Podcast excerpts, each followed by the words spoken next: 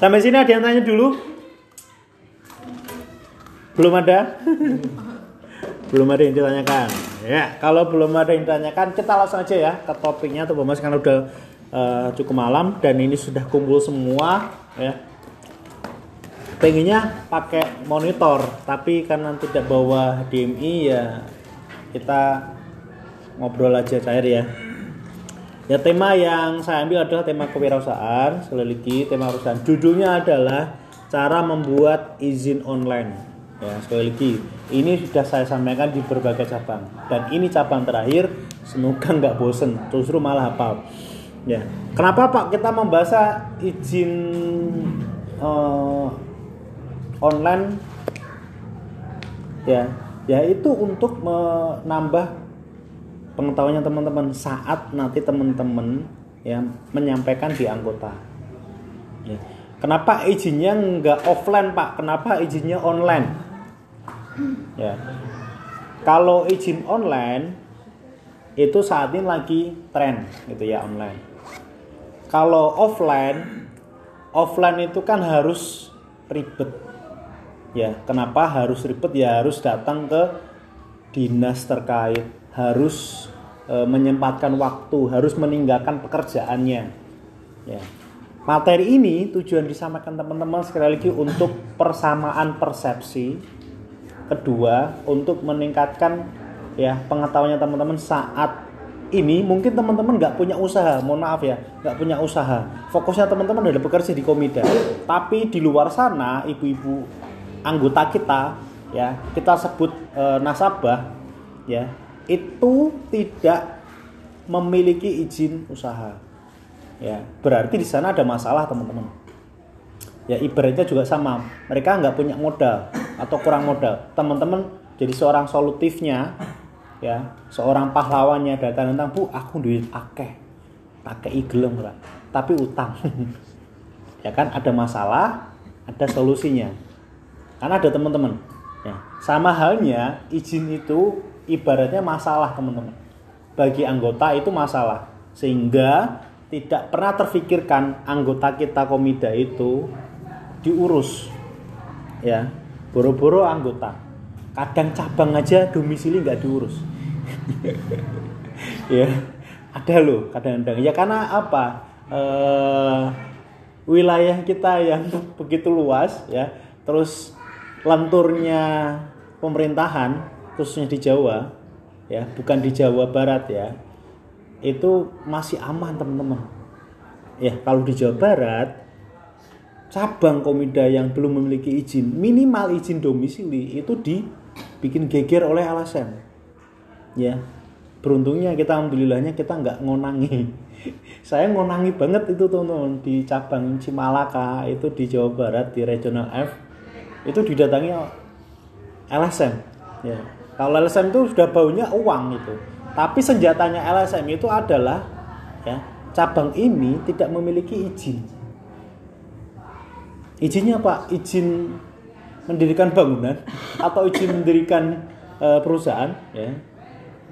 Macam-macam ya. Itu dicari celahnya di Jawa Barat. Alhamdulillahnya di Jawa Tengah itu saya tidak menemukan satu cabang yang uh, dipermasalahkan oleh LSM ya. Entah itu dari LSM agama atau entah itu LSM dari uh, bidang apa itu tidak ada. Kita bersyukurnya di situ teman. Alhamdulillahnya. Nah berarti Pak April cari masalah. Ya nggak cari masalah. Saya menemukan masalah atau keresahan di mana waktu saya uh, membaca atau mengetahui bahwa izin usaha itu berarti di posisikan adalah para pelaku usaha. Nah, pelaku usaha itu adalah anggota kita teman-teman sebutnya nasabah kalau kita menyebutnya adalah UMKM karena bahasanya adalah pendampingan. Ya, kalau teman-teman ibaratnya nasabah karena pinjaman pembiayaan ya. Kalau bagi kami karena kita pendamping atau komdev itu bahasanya adalah UMKM UMKM itu juga hal lumrah teman-teman. Waktu pandemi 2 tahun teman-teman pasti juga mendengar istilah UMKM ya enggak bener nggak? Kalau teman-teman dari sekian ini nggak mungkin kalau uh, nggak pernah mendengar istilah UMKM pernah ya? Minimal sekali denger minimal sekali. Entah itu dari anggota entah itu dari media sosial entah itu dari ya sejelek-jeleknya TV lah. Walaupun sekarang nggak pernah nonton TV ya. Bisa bantu saya kira-kira teman-teman yang pernah denger istilah UMKM itu setahunnya teman-teman itu apa? Bantuan. Oke nggak masalah. Iya. Apalagi? Usaha rumahan. Usaha rumahan. Boleh. Apalagi? Selain bantuan eh, usaha rumahan itu aja. Usaha mikro. Usaha mikro kecil menengah bawah besar. Ya usaha kecil mikro menengah ya. Eh, UMKM itu bantuan pak. UMKM itu usaha rumahan ya. Tidak ada yang salah ya. Kalau kita boleh melengkapi dan kita eh, singgung sebentar sebelum nanti membahas tentang izinnya yang sekali lagi orang yang kita temui setiap hari ya itu julukannya satu nasabah dua anggota ya ketiga adalah UMKM yang familiar yang sering teman-teman temui atau sering teman-teman eh, sebut adalah anggota. Jarang nasabah itu jarang. Nasabah itu biasa bank konvensional gitu ya kalau eh, UMKM itu sangat erat biasanya pemerintahan. Pemerintahan itu sebutnya pelaku usaha kecil itu UMKM ya. Kenapa sering disebut eh, bantuan? Ya anggota kita dulu kemarin-kemarin itu ya malah sering menanyakan ke teman-teman Pak Bu kok nggak dapat bantuan ya dari Komida? Teman-teman jawabnya gimana? Waktu itu ada yang punya pengalaman enggak gimana Mas ya jawabnya ya mungkin belum ada karena kan waktu yang pas kemarin pandemi kan ada yang barengan sama BPUM yang lewat komida kan ada tuh yang harus diurus ke BRI Ah, ah.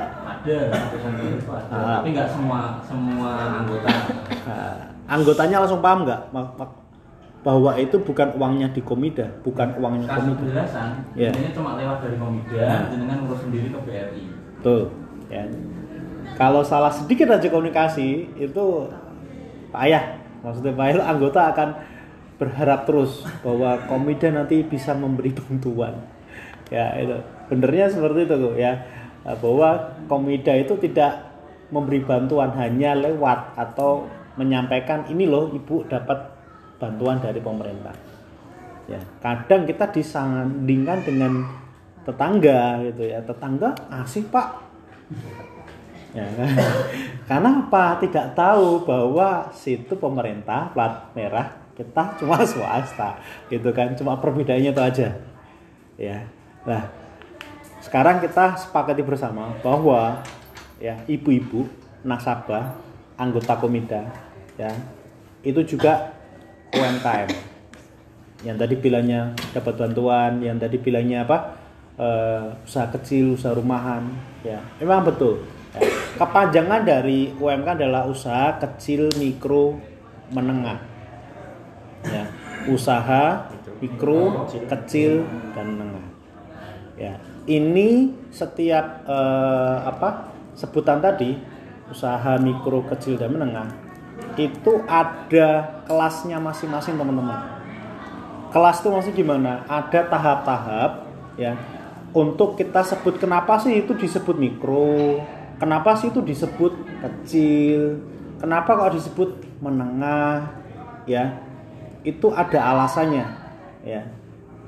Menurut teman-teman saya tanya dulu. Menurut teman-teman anggota kita cabang gemolong itu masuk kelas mana? Kategori mana? Usaha kecil usaha mikro usaha menengah. Ada yang punya pendapat? Kira-kira pendapatnya teman aja ngasal aja nggak apa-apa deh menurut teman-teman anggota kita cabang gemolong ya skupnya kecil aja.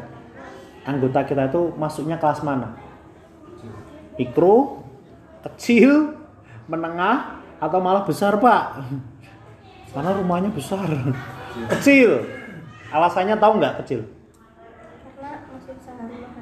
Masih usahanya rumahan. Disebut kecil. Boleh. Boleh ada yang mau melengkapi atau punya pendapat lain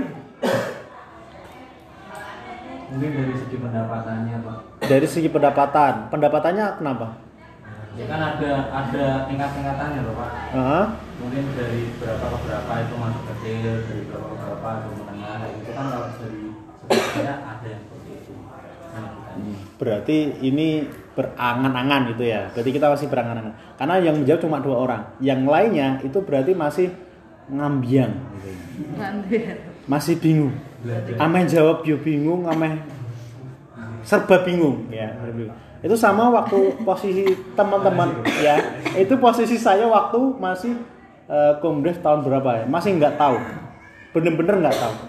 Ya karena di komida ya kalau kita membahas tentang pemberdayaan atau pendampingan itu sangat erat dengan UMKM sebetulnya. Materi-materinya sangat erat dengan UMKM sedangkan yang lagi viral-viralnya UMKM itu waktu pandemi kemarin. Kita baru ngeh gitu kan yang kita damping itu siapa gitu. Oh ibu-ibu. Lah ibu-ibu itu ngapain? Ya ibu-ibu yang punya usaha kecil. Ibu-ibu yang usahanya tuh nyambi ya ngomong anak ya nyambi ngurusi keluarga ya kadang buat samben ya usahanya di rumah ya perorangan ya. Itu salah satu ciri-ciri UMKM ya omsetnya atau pendapatannya kecil teman. Yang kita harus pahami bersama ciri-ciri itu nempelnya di kelas UMI. Ultra mikro. Lupa tadi kok nggak ada ya usaha kecil usaha mikro kecil dan menengah. Berarti UMI ini ada di paling bawah paling dasar. Sebelumnya aku berarti pak. belum ya. Oh berarti kelasnya masih kelas kelas pemula pak.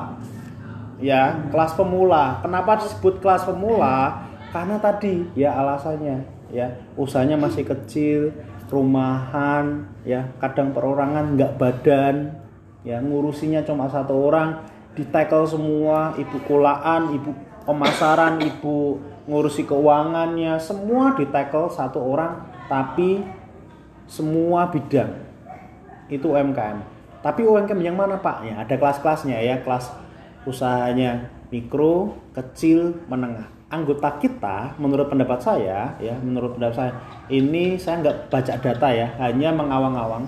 Dari kita melihat langsung anggota kita rumahnya bagaimana pendapatannya bagaimana kemudian eh, apa asetnya usahanya ngatur bagaimananya kita sudah bisa nebak oh ternyata anggota kita tuh masuk kategori UMI ultra mikro karena modalnya kecil ultra itu masih kecil banget ya. Pendapatannya nggak sampai 50 juta satu tahunnya. Ya. terus yang masuk ke mikro gimana pak? Yang masuk di mikro itu pendapatannya sudah bisa disebut 50 tahun eh 50 50 juta ke atas per tahun. Itu baru kita lihat omsetnya pendapatan. Sedangkan teman-teman waktu UK kadang-kadang tidak memahami di situ gitu. waktu UK bu pendapatannya pinten? Kotornya pinten? Netnya pinten? Tanahnya? Rumahnya? Waktu teman-teman UK itu sama halnya. Kalau kita berbicara dengan UMKM itu kita mengetahui skala atau kelas dari pelaku usaha. Kita nggak nyadari loh teman-teman. Waktu teman UK itu ya sementing aku ngerja kita kumpul ku MS ya itu alurnya. Tapi kalau kita berbicara tentang UMKM itu itu salah satu me- apa eh, mengetahui ciri-cirinya pelaku usaha yang akan kita dampingi nanti. Ya. Jadi sini teman sudah paham ya UMKM itu ya berdasarkan apa ciri-ciri yang tadi teman-teman sebutkan. Lupa kok nggak ngomongin izinnya? Ya kita ngomongin tentang UMK-nya dulu sedikit dulu ya berdasarkan undang-undang yang berlaku tahun 20 tahun 2008 ini undang-undang lama berkaitan dengan UMKM itu yang dilihat juga klasifikasinya tadi teman-teman. Asetnya omsetnya omset itu pendapatan kotor ya. Asetnya aset itu berarti bisa jadi tanah ya bangunan motor mobil ya itu dilihat. Kalau dalam satu tahun dia bisa mendapatkan omset di atas 50 juta itu sudah masuk kelasnya naik nggak cuma omi tapi dia udah masuk kecil bisa jadi mikro bisa jadi menengah. Dilihat. Nah jadi teman-teman bisa pantau atau tanya calon anggota yang akan kita dampingi atau yang akan masuk menjadi nasabah anggota komite ya, belajarnya UMK-nya di situ teman-teman. Sambil melihat kemampuan bayarnya. Ya sambil lihat usahanya. Ya kenapa yang dilihat usaha ya? Karena yang ngangsur itu kalau logikanya adalah perputaran uang usaha bukan perputaran uang keluarga atau uang konsumtif. Ini beda lagi ya. Dari sini sudah dipahami teman-teman. Usaha kecil mikro dan menengah ya. Kalau umi kadang tidak terlihat tapi teman-teman mengamati ciri-cirinya tadi ya. Saya sambung sama uh, materinya. Ya judulnya tentang cara membuat izin usaha kita belum masuk membuat cara uh, izinnya sebelumnya ada dasar hukumnya teman-teman. Ya kelihatan ya walaupun jauh. Dasar hukum apa? Waktu kita membahas tentang izin usaha itu ada dasar-dasarnya. Enggak asal-asal bahwa oh berarti harus bikin izin ya? Ya enggak tapi ini ada dasarnya, ada peraturannya, ya. Yang tadi sebut saya saya singgung tadi tentang Undang-Undang Nomor 20 Tahun 2008. Selain tentang UMKM, ini juga membahas tentang izin usahanya, ya. Peraturan yang terbaru bagaimana Pak? Peraturan yang baru itu tentang uh, izin usaha itu PP nomor 7 tahun 2001. Itu turunan atau hasil dari uh, peraturan pemerintah. Pernah dengar nggak Omnibus Law?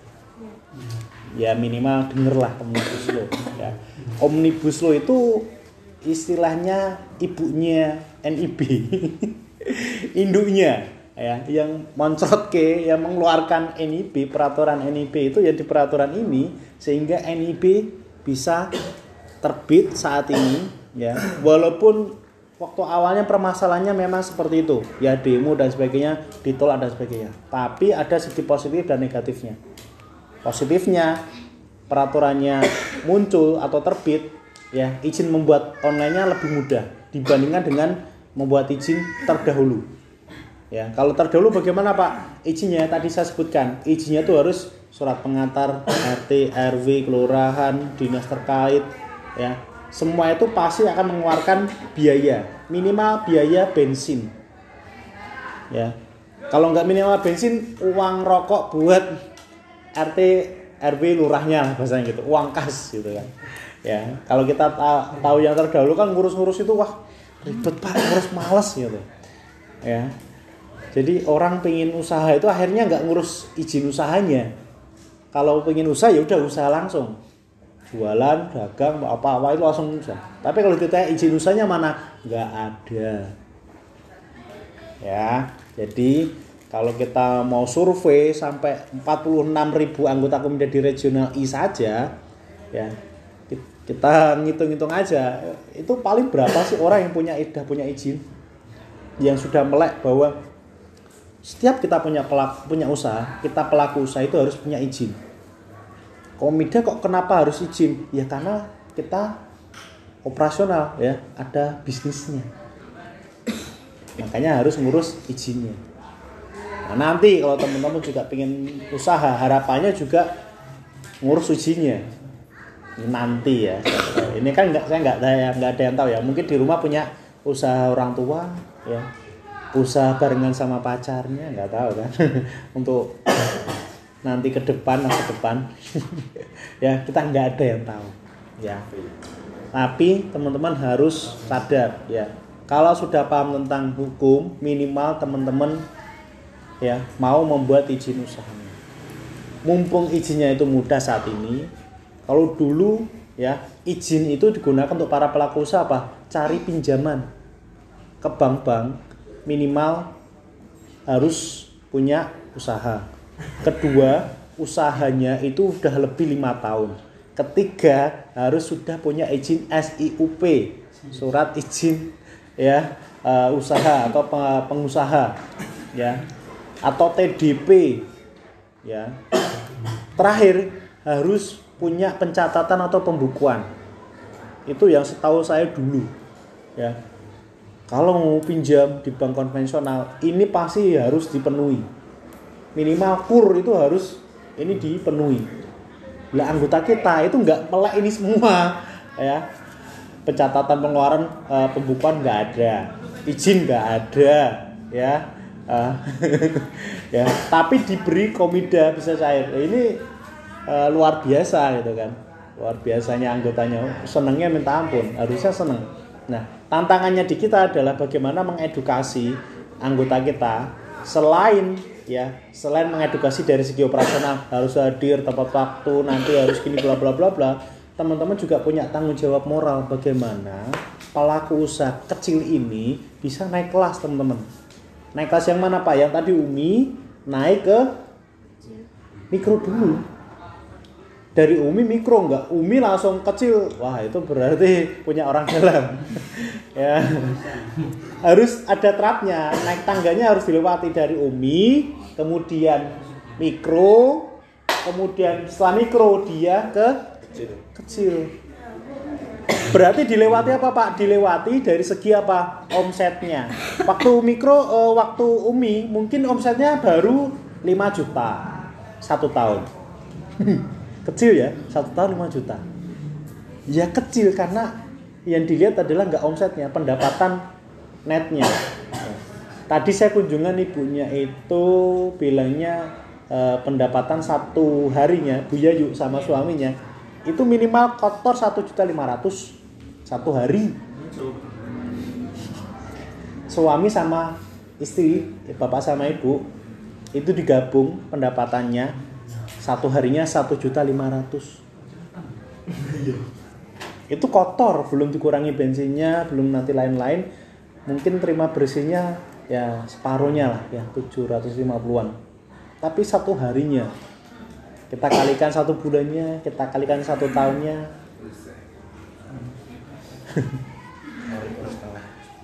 Ya, sudah sampai 100 juta 200 juta? Kalau ditabung. Kalau ditampung ya kita mi- mikir panjang aja ya ya, ya. Ya, sekarang pinjamannya mikrobisnis 20 juta, umum 6 juta. Wow, luar biasa. RR RR 20 juta, umumnya. 6 juta. Saya cara ngelolanya saya nggak tahu ya. Tapi itu memang keucap ibunya bilang kayak gitu. Satu hari kurang lebih 1 juta 500. Mungkin itu sepi-sepinya. Mungkin kalau rame-ramenya bisa sampai 2 juta, 3 juta kita nggak ada yang tahu.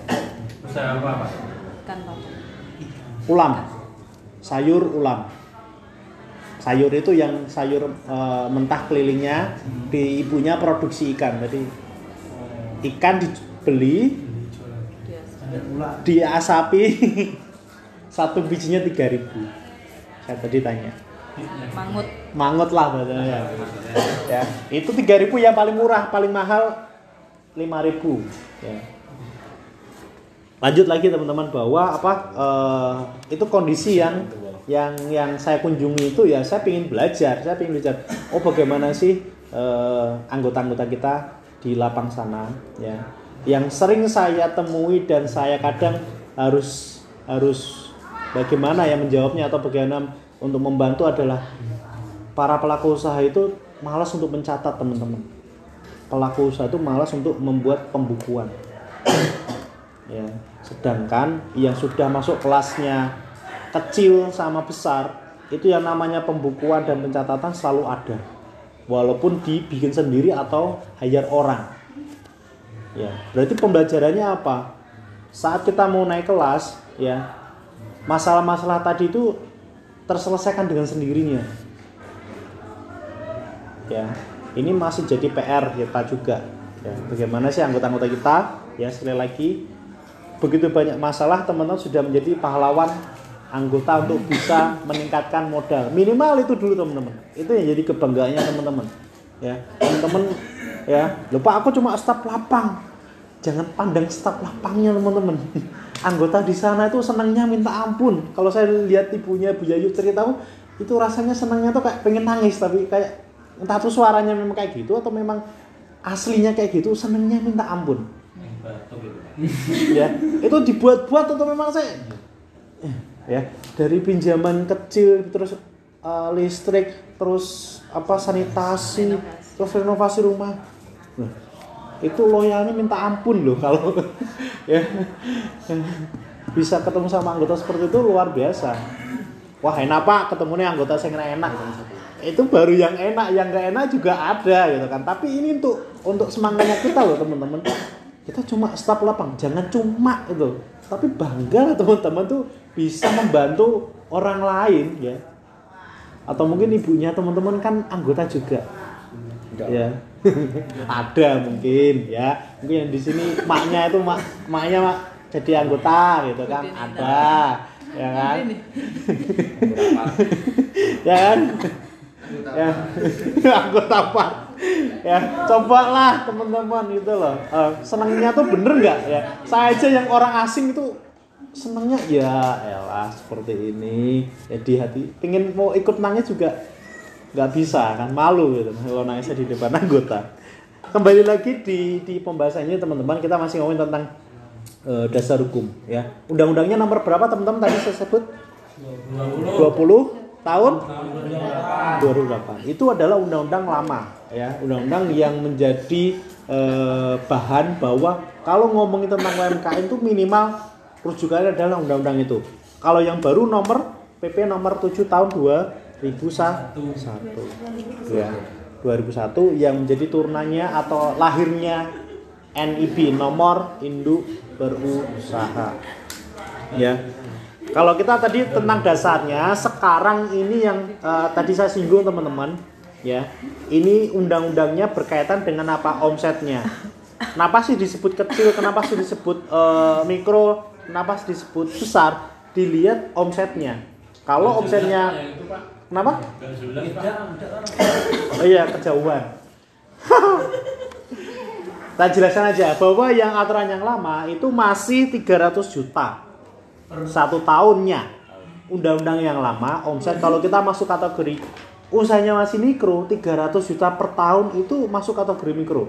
Lah pak tadi bilangnya umi. Kalau umi itu waktu tahun dulu berarti omsetnya berapa? Ya nggak sampai 300 juta jadi masih jauh kalau kita sebut eh, itu umi.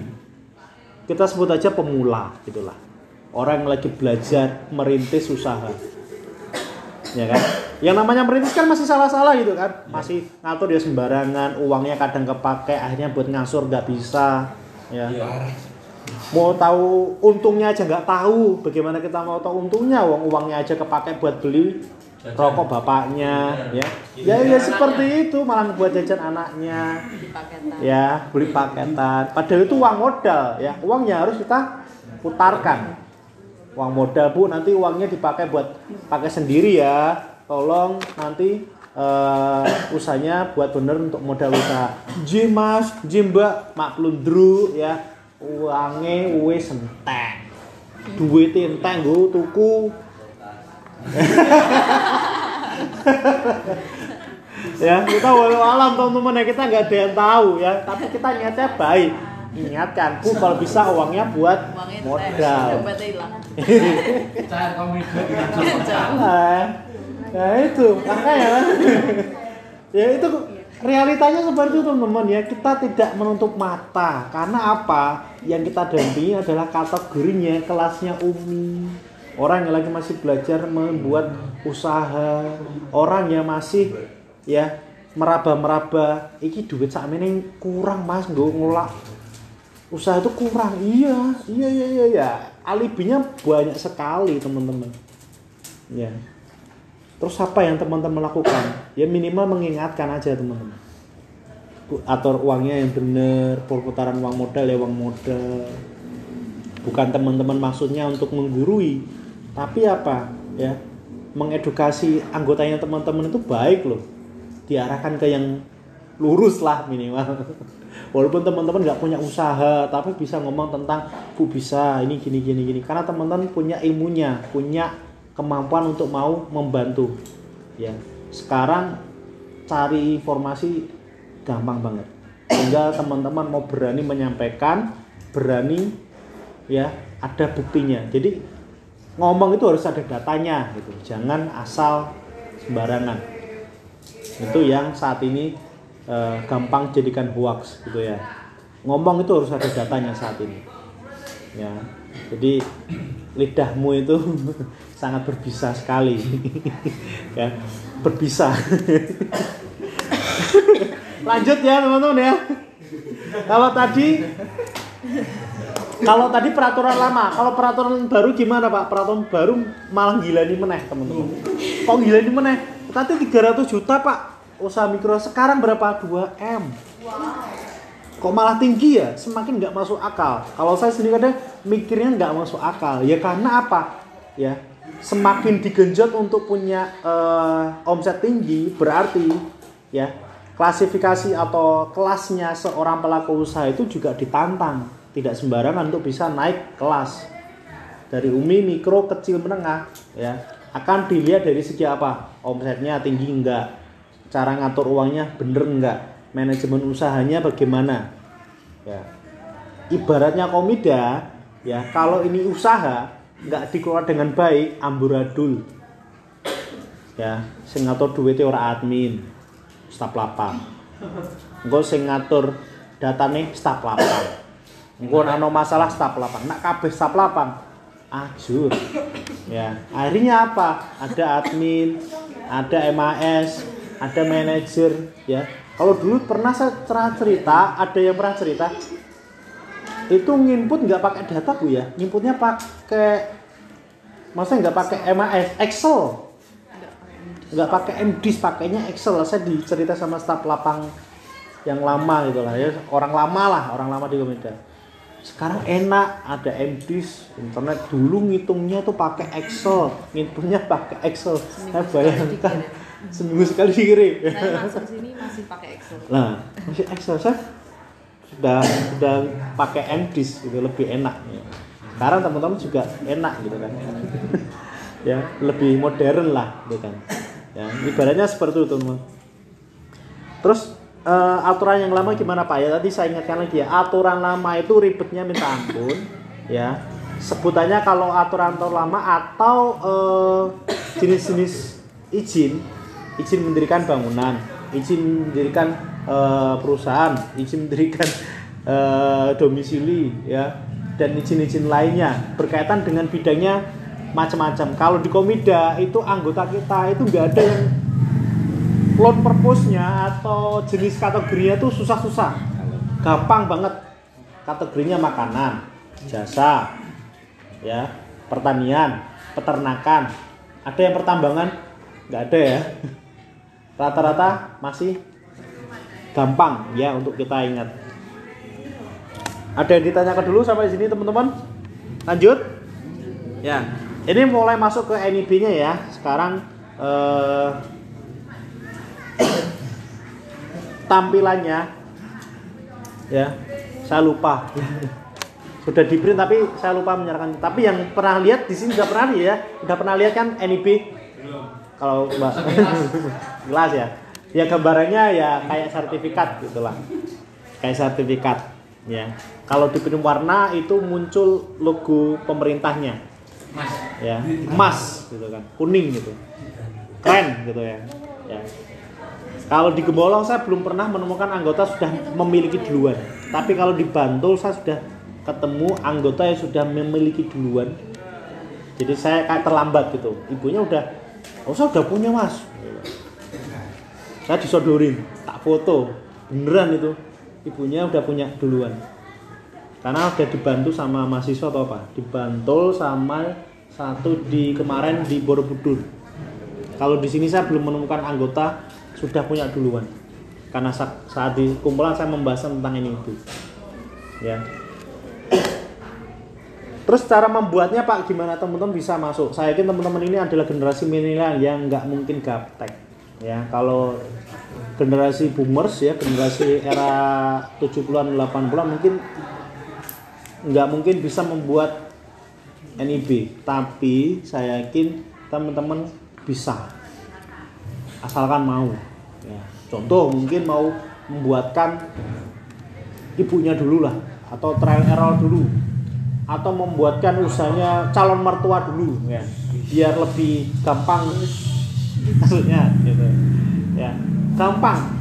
Caranya gimana pak? Masuk aja di oss.go.id OSS itu apa pak? Online single submission. Ya perizinan tunggal yang dibuat oleh pemerintah ini lembaga dari pemerintah lembaganya Kementerian Investasi atau BKPM jadi setiap ya saya tahu saya setiap pelaku usaha yang sudah memiliki NIP itu disebut eh, investor. Wah keren. investor karena karena eh, modalnya yang disebutkan di, di di sistemnya itu dianggap itu modal. Ya pelaku usaha itu disebut eh, pemodal, investor, investor dalam negeri. Ya sekali lagi caranya tinggal masuk di oss.go.id ya nanti kalau teman-teman cari di HP aplikasi juga ada Bisa lewat HP Pak?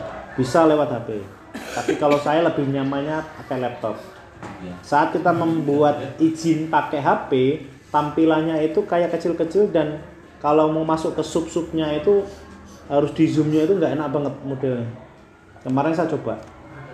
Bisa langsung on the spot. Langsung bisa on the spot. Artinya apa? Hanya minta data-datanya. Kayak kita memasukkan eh, apa eh, sekolah itulah anak-anak mau sekolah itu loh. Kita cuma masukkan data aja. Alamat di mana nama siapa nama bawahnya siapa. Cuma itu aja masuknya. Dan OSS itu hanya membaca sesuai dengan KTP ya. Nanti KTP-nya yang dimasukkan itu akan muncul dengan sendirinya. Ya. Kenapa syaratnya KTP ya karena eh, diketahui bahwa ini adalah orang Indonesia. Ya ada nicknya. Ya. jadi cuma masuk di OSS tinggal mengikuti alurnya. Aturan yang lama sama yang baru yang membedakan adalah eh, bentuk resiko usahanya. Kalau dulu tidak terbaca resikonya resiko itu maksudnya apa? Kalau kita memiliki usaha itu resikonya tinggi. Resiko untuk gagal. Ya makanya kita di zona nyaman nih. Ya karyawan kan zona nyaman. Ya. bener nggak? Iya. satu bulan tetap kita gaji ya. Tapi kalau usaha belum tentu ya. Makanya disebut eh, ini perizinan online berbasis risiko kalau dulu nggak ada istilah risikonya sekarang terbaca risikonya dari modalnya. Contoh modalnya cuma disebutkan di sini mah 2 juta risikonya masih rendah. Ya disebutkan mungkin modalnya 50 juta masih hitungannya rendah. Karena yang terbaca di sini masuk kategori eh, mikro atau kecil itu di bawah modal 5 miliar. Jadi kalau modalnya pelaku usaha sudah 5 miliar itu sudah kategorinya bukan kecil lagi. Dia sudah kelasnya apa? Menengah. Nah, kalau sudah menengah, dia bukan ecek-ecek ya, kelasnya udah pinter ngatur uang, manajemen SDM dan operasionalnya dipikirkan ya. Jangan sampai ini rugi bagaimana, jangan sampai bla bla bla itu dipikirkan. Kalau yang sudah tarafnya menengah beda dengan yang ultra mikro, ecek-ecek. ya, bahasa ecek-eceknya tuh maksudnya orang masih belajar itu ya salah-salah terus gitu kan. Waduh gagal lagi, coba lagi. Waduh kurang lagi modalnya, tambah lagi. Kok untung? Lah duitnya hindi lah. Itu kayak gitu kayak gitu teman-teman ya. Itu seperti itu teman saya yakin sekali lagi bisa membuat sendiri. Ya, bisa trial error sendiri, lebih ingin coba sendiri monggo teman-teman. Ya. Saya lanjutkan, Duh, oke. Ada yang tanya lagi? Oh, belum ada yang tanya.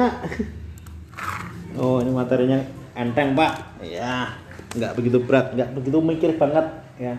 Tapi hanya butuh kemauan. Saya lanjutkan NIB ini ya kalau sudah tahu tentang cara pembuatnya atau maksudnya di mana sekarang teman-teman pahami bahwa NIB ini berarti tanda pengenal sama yang waktu saya jelaskan di kumpulan mungkin Mbak apa ah Mbak Desi dengar. Ya Mas Anang juga mungkin sempat saya bilang bahwa NIP itu adalah tanda pengenal usaha. Ya ibaratnya teman-teman punya kakak kakak itu kan untuk penduduk. SIM itu untuk motor. Berkendara ya. Kalau NIB ini izin yang paling dasar untuk kita menjalankan usaha. Segala jenis bidang usaha. Minimal izin paling dasar itu NIB yang dasar tuh berarti yang harus dimiliki dulu setelah izin-izin lainnya. Izin apa pak? Izin mungkin untuk masalah lingkungan izin untuk eh, wilayah atau bidangnya pertambangan itu udah ada izin-izin lainnya. Ya. Jadi ada turunannya atau eh, tambahan izin-izin untuk melengkapi eh, usaha tersebut ya kalau anggota kita yang tadi saya sebut loan purpose-nya komida itu rata-rata adalah makanan jasa pertanian peternakan dagang. Ya kan cuma itu aja kalau saya sebut eh, di di rangkum jasa itu. Mungkin turnanya apa? Kalau dagang mungkin online reseller jual obat jual jamu ya.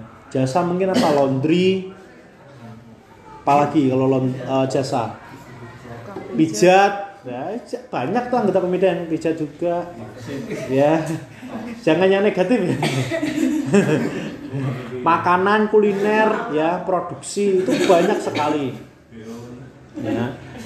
Tadi ya nah, eh, jadi jarang kita temukan eh, kategori jenis usahanya anggota itu yang tidak masuk ke NIP yang susah adalah kita membedakan kalau pertanian Nah, kalau saya bilang pertanian, Bu, pertanian apa? Pertanian pertanian jenengan buruh atau pertanian benar-benar punya perkebunan yang dikelola sendiri. Itu masih bisa untuk kita buatkan izinnya. Tapi kalau bilangnya pertanian tapi ternyata dia buruh berarti nggak masuk. Bisa dipahami ya, pertanian. Peternakan masih bisa masuk kan mungkin punya kambing, punya sapi gitu ya. Tapi kalau pertanian ya itu harus dipertegas ibu itu buruh atau bener-bener punya ladang yang dikelola sendiri. Kalau yang bagi hasil Bagian hasil belum belum masuk. Harus orang yang punya lahannya yang harus memiliki izinnya. Ya usaha sendiri. sewa yang model kayak tanah khas desa kayak gitu kan ada tuh Hmm. dia sewa satu tahun berapa Nah, kalau bagi hasil kayak gitu kan izinnya nggak mungkin harus bagi dua kan, harus salah satu kan. tapi bisa apa enggak? Bisa, makanya bisa yang salah satu itu. Yang yang mungkin yang lebih memiliki lahannya kan? Bisa disebut dia pemilik usaha. Kalau itu mungkin bisa dibilang jasa kalau saya ingin bagi hasilnya. Karena dia dapat keuntungan kan? Selama ini belum pernah. Sekali lagi saya belum pernah membuatkan izin usaha yang fokus ke pertanian karena selalu saya tanya dulu pertanyaan bagaimana bu? Akhirnya dia mundur sendiri. Karena memang belum belum pengen memiliki yang getol banget yang pengen banget rata-rata yang makanan atau kulineran tuh sama dagang. Warung kelontong toko-toko kayak gitu ibunya warung kecil-kecil di depan rumah itu sangat minat banget pingin memiliki izin yang sampai detik ini ya itu teman-teman. Jadi NIP itu tanda pengenal atau pelaku usaha itu di di apa ya disebut punya usaha punya sebagai UMKM ya harus ditunjukkan dengan hitam di atas putih. Salah satunya dengan NIP ini. Ya. Ibu punya usaha? Punya. Itu pak warungnya? Belum tentu. Bisa jadi itu pinjam usahanya orang lain. Kalau ditunjukkan dengan NIP itu lebih ya. Yakin lagi udah percaya banget. Karena NIP itu sudah sesuai dengan KTP-nya tempat tinggalnya ya. Bener banget. Oh iya ini punya usahanya seperti ini. Ya. Syukur-syukur nanti malah jadi NIP itu jadi eh, persyaratan untuk eh, apa ya komida ya untuk memiliki pinjaman. Bisa jadi seperti itu karena eh, kita jadi tahu. Kita jadi tahu loh kita jadi tahu ibunya usahanya di mana ditujukan dengan itu oh ya oh bener Ya. Kalau kakak kan hanya untuk menunjukkan bahwa itu tinggalnya di situ. Tapi kalau berkaitan dengan usaha belum. Ya, ini baru baru omong kosong aja. Syaratnya apa Pak? Ya, jadi syaratnya cuma KTP dan data profil usaha saja. Saya bilang saya bisa, pasti teman-teman juga bisa. Ya. Yang jadi kendala adalah satu teman-teman kemauan kita untuk membantu dan kita nggak paham itu nanti buat apa. Kedua itu sinyal. Ya, sinyal waktu kita proses membuatnya itu sangat terganggu sekali kalau tidak ada sinyal karena online. Terakhir itu sistemnya ini, OS-nya sering error. ya, saya ngamati terus di U- eh, di IG-nya OSS itu banyak yang komen eh, si apa? Sistemnya error, banyak yang bilang kayak gitu. Ya, macam-macam. Ya. Jadi eh, kenapa materi ini disampaikannya tadi minimal teman-teman paham lah tahu kalau ngomongin tentang UMKM dan izin seperti ini kalau ditanya anggota teman bisa jawab itu aja yang yang apa pingin tujuan saya itu ke teman-teman seperti itu ya ini ada contoh beberapa anggota yang sudah terima sekali lagi ini saya dibantu sama petugas eh, komida di cabang ada yang dari Batu Retno itu banyak sekali mbak ya. Kemarin tuh yang ngeprint mungkin tahu kan. Eh, anggotanya Mas Han, Mas Heri anggotanya Mas Mas Heri itu banyak banget ya. Terus Sukoharjo juga ada ya. Eh, kemudian Bantul. Usahanya teman-teman ya kayak gitu kayak gitu. Tapi saya tuh senangnya apa ih ternyata ada peminatan loh. Saya tuh nggak nyangka gitu. Saya tuh kan eh, ya nanti tulus saja menyampaikan bu ini seperti ini. Responnya kita nggak ada yang tahu. Ternyata di responnya ibu-ibunya seneng banget pingin gitu. Sempat ada yang mau nangis oh yang bantul itu.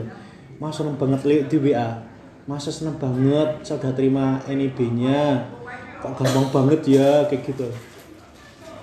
Ya saya nggak nggak nyangka gitu. Hal yang seperti ini yang mudah yang kita bisa lakukan tapi membuat orang lain ya.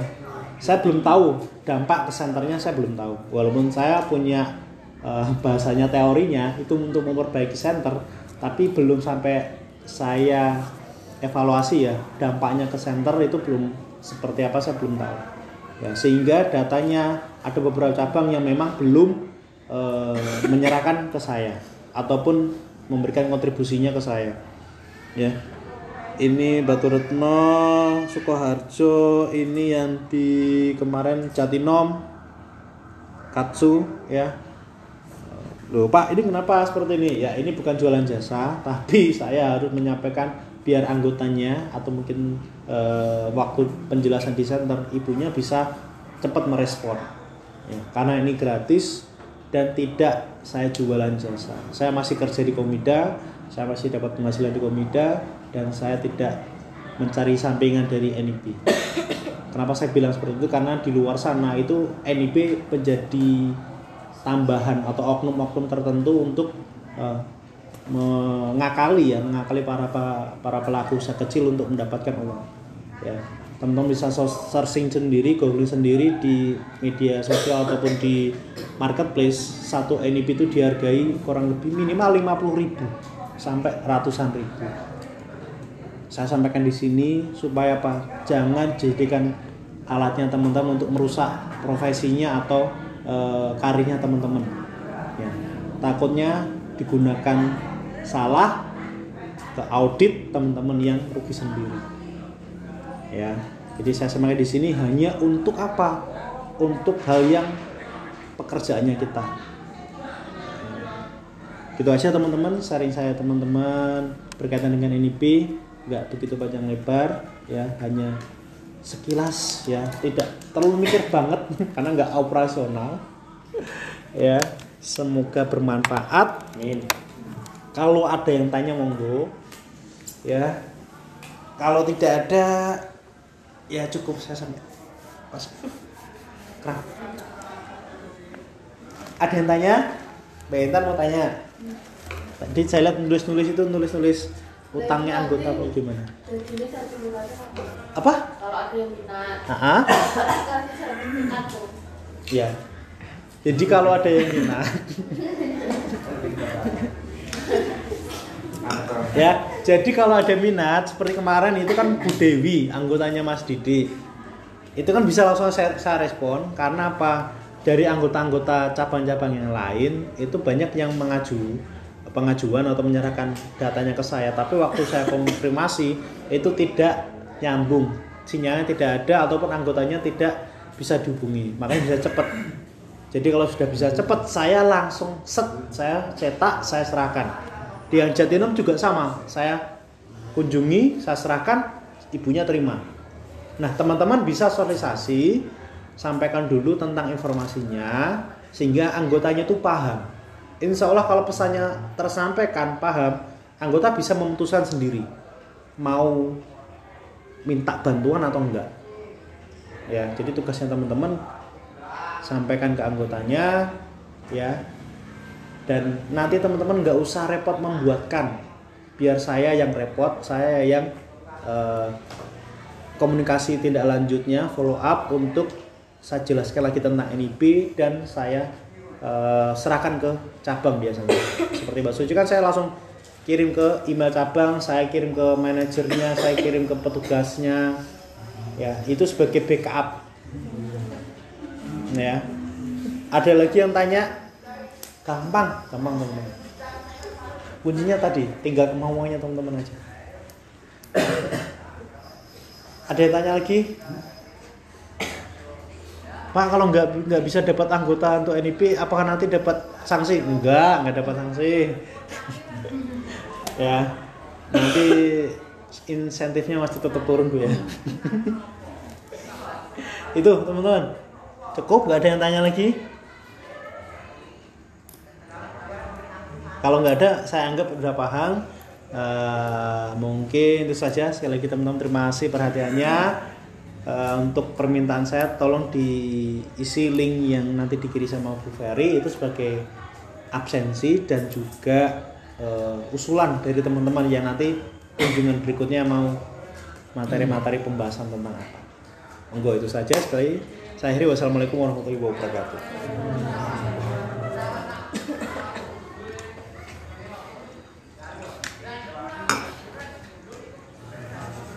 Banget. Pulang baru. Pulang.